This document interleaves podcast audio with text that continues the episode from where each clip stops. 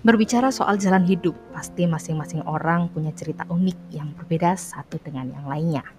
Kali ini saya Iga Asti akan berbagi ke kamu nih tentang begitu banyaknya kebaikan Tuhan yang terjadi dalam kehidupan saya.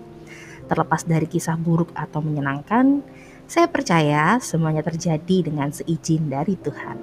So, inilah Pome Podcast Me.